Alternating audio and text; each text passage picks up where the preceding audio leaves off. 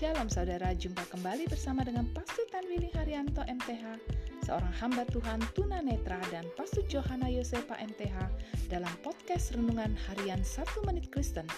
Di dalam podcast ini, kami membagikan kebenaran dari Alkitab yang dimulai dari kitab kejadian sampai kitab Wahyu.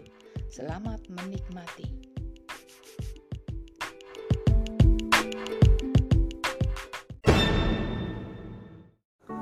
Shalom saudara berkat di mata Tuhan, senang dapat jumpa dengan saudara. Hari ini firman Allah mengingatkan kita untuk mempersembahkan hidup kita kembali kepada Allah. Imam yang menyatakan seseorang tahir, maka haruslah ia membawa orang itu serta persembahannya ke hadapan Tuhan di pintu masuk kemah pertemuan untuk menyempurnakan pentahiran orang kusta itu.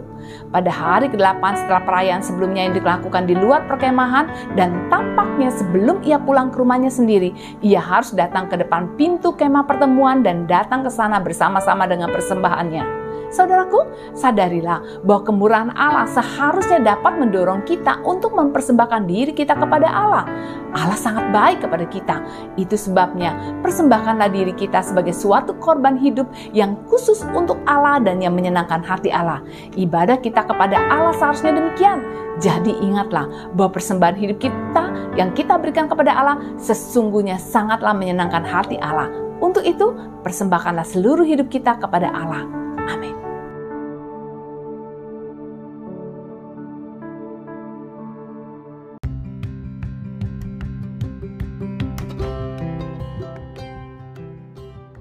Kasih saudara telah mengikuti podcast Renungan Harian 1 Menit Kristen.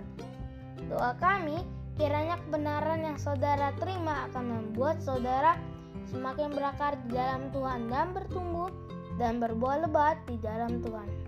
Tuhan Yesus memberkati.